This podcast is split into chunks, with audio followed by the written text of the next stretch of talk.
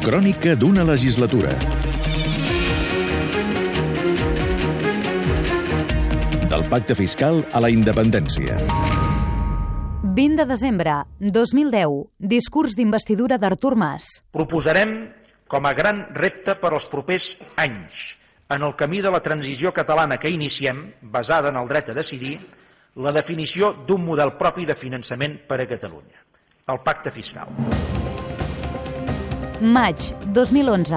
S'aprova constituir la Comissió d'Estudi d'un nou model de finançament basat en el concert econòmic. Comença a treballar al juny i a l'octubre presenta conclusions. I avui el Parlament ha posat els fonaments d'un nou pacte fiscal per Catalunya que podria ser una ajuda. Convergència i Unió, Esquerra Republicana i Iniciativa han avalat avui en comissió parlamentària la proposta de pacte fiscal en la línia del concert econòmic. El model proposa que Catalunya surti del règim comú i disposi d'un model fiscal singular com el que té el País Basc o Navarra. Com hem de procedir? Ah, hem de treballar amb la LOFCA. Algú es queixava amargament.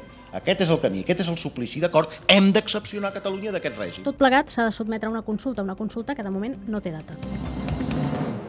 Següent cita important, 30 de maig 2012. Ara falten 3 minuts i mig eh, per un quart de set del matí. La cimera de partits pel pacte fiscal ha servit perquè la majoria de formacions catalanes refermin les seves posicions sobre el nou model de finançament, però també hi han aparegut algunes novetats que des del govern s'interpreten com a gestos positius. Aquests gestos positius són una entesa de mínims amb el PSC i el compromís per part del Partit Popular que no posarà traves a un acord al Parlament. El govern manté la seva proposta inicial de recaptar i gestionar tots els impostos que paguen els catalans, però manté obert el diàleg i ja anuncia una nova cimera abans de la votació del juliol al Parlament. La nova cimera es fa el 12 de juliol. Segona cimera pel pacte fiscal marcada en aquesta ocasió per la proposta que el president Artur Mas ha traslladat als partits i que inclou una agenda pròpia. És evident que, que és un gest no només cap al PSC, però també cap al PSC, però en el que és el nucli dur del plantejament de la proposta, del tema de l'agència tributària i de la clau de la caixa, estem on érem. I arriba l'hora de votar. Ho dèiem fa uns instants, dependrà del resultat final del partit, però potser avui pot inscriure's a la història com un d'aquells dies destacats del Parlament, 25 del 7 del 2012.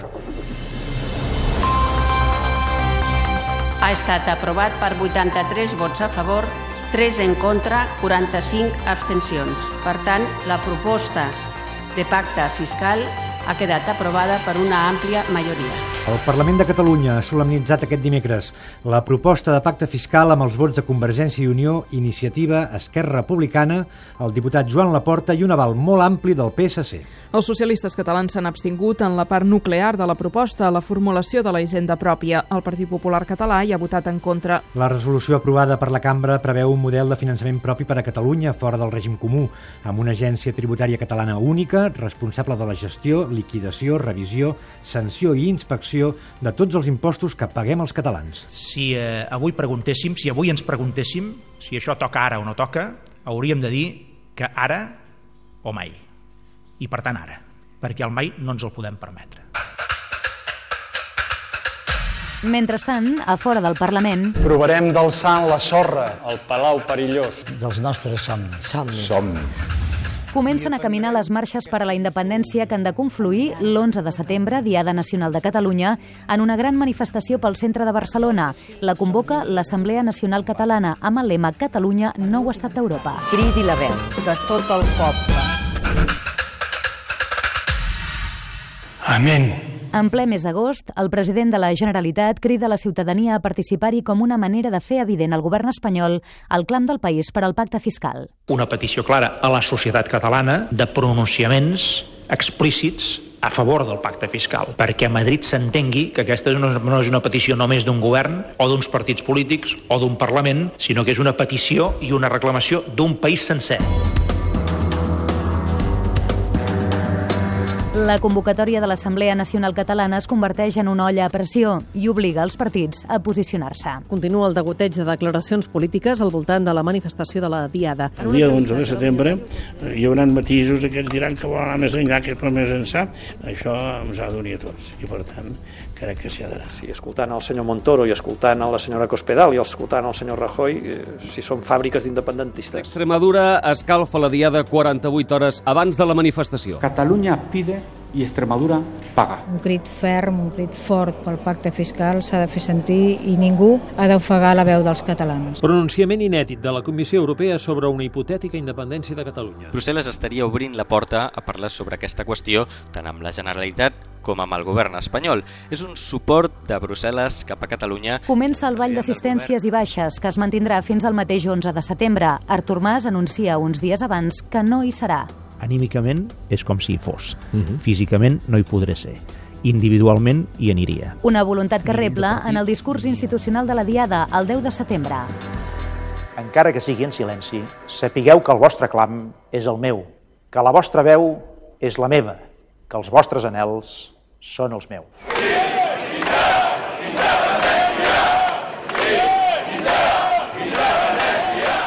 Doncs ara mateix són les 6 de la tarda. Aquest és el programa especial dedicat a aquesta manifestació de la Diada de Catalunya Ràdio i Catalunya Informació. La manifestació acaba d'arrencar. S'han fet ja els primers passos. Tot allò que confluïa en aquesta manifestació pel centre de la ciutat, a tots els carrers que ja estan presos per la gent, amb banderes, estelades, senyeres... Diada històrica a Catalunya. Un milió i mig de persones, segons la Guàrdia Urbana i el Departament d'Interior. La presidenta del Parlament, Núria de Gispert, va rebre en audiència els convocants de la marxa a l'Assemblea Nacional Catalana català.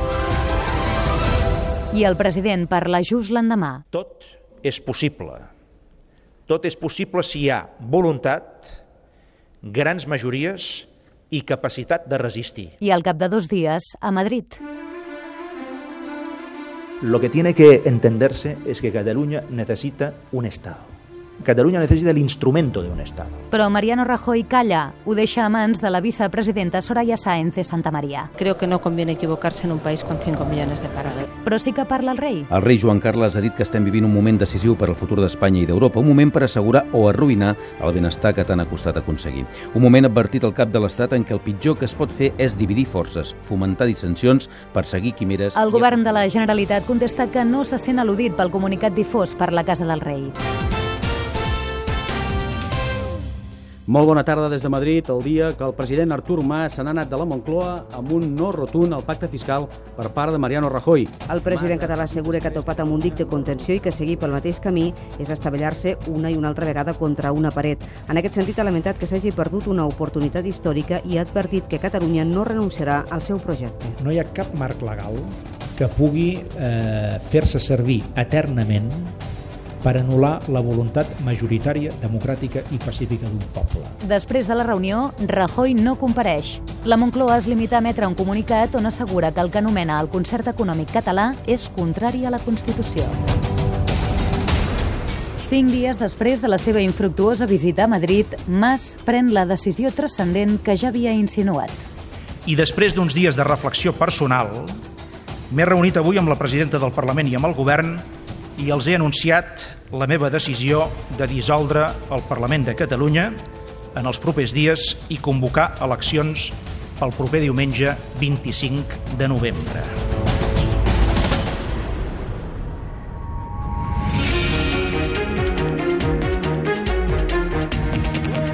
Crònica d'una legislatura.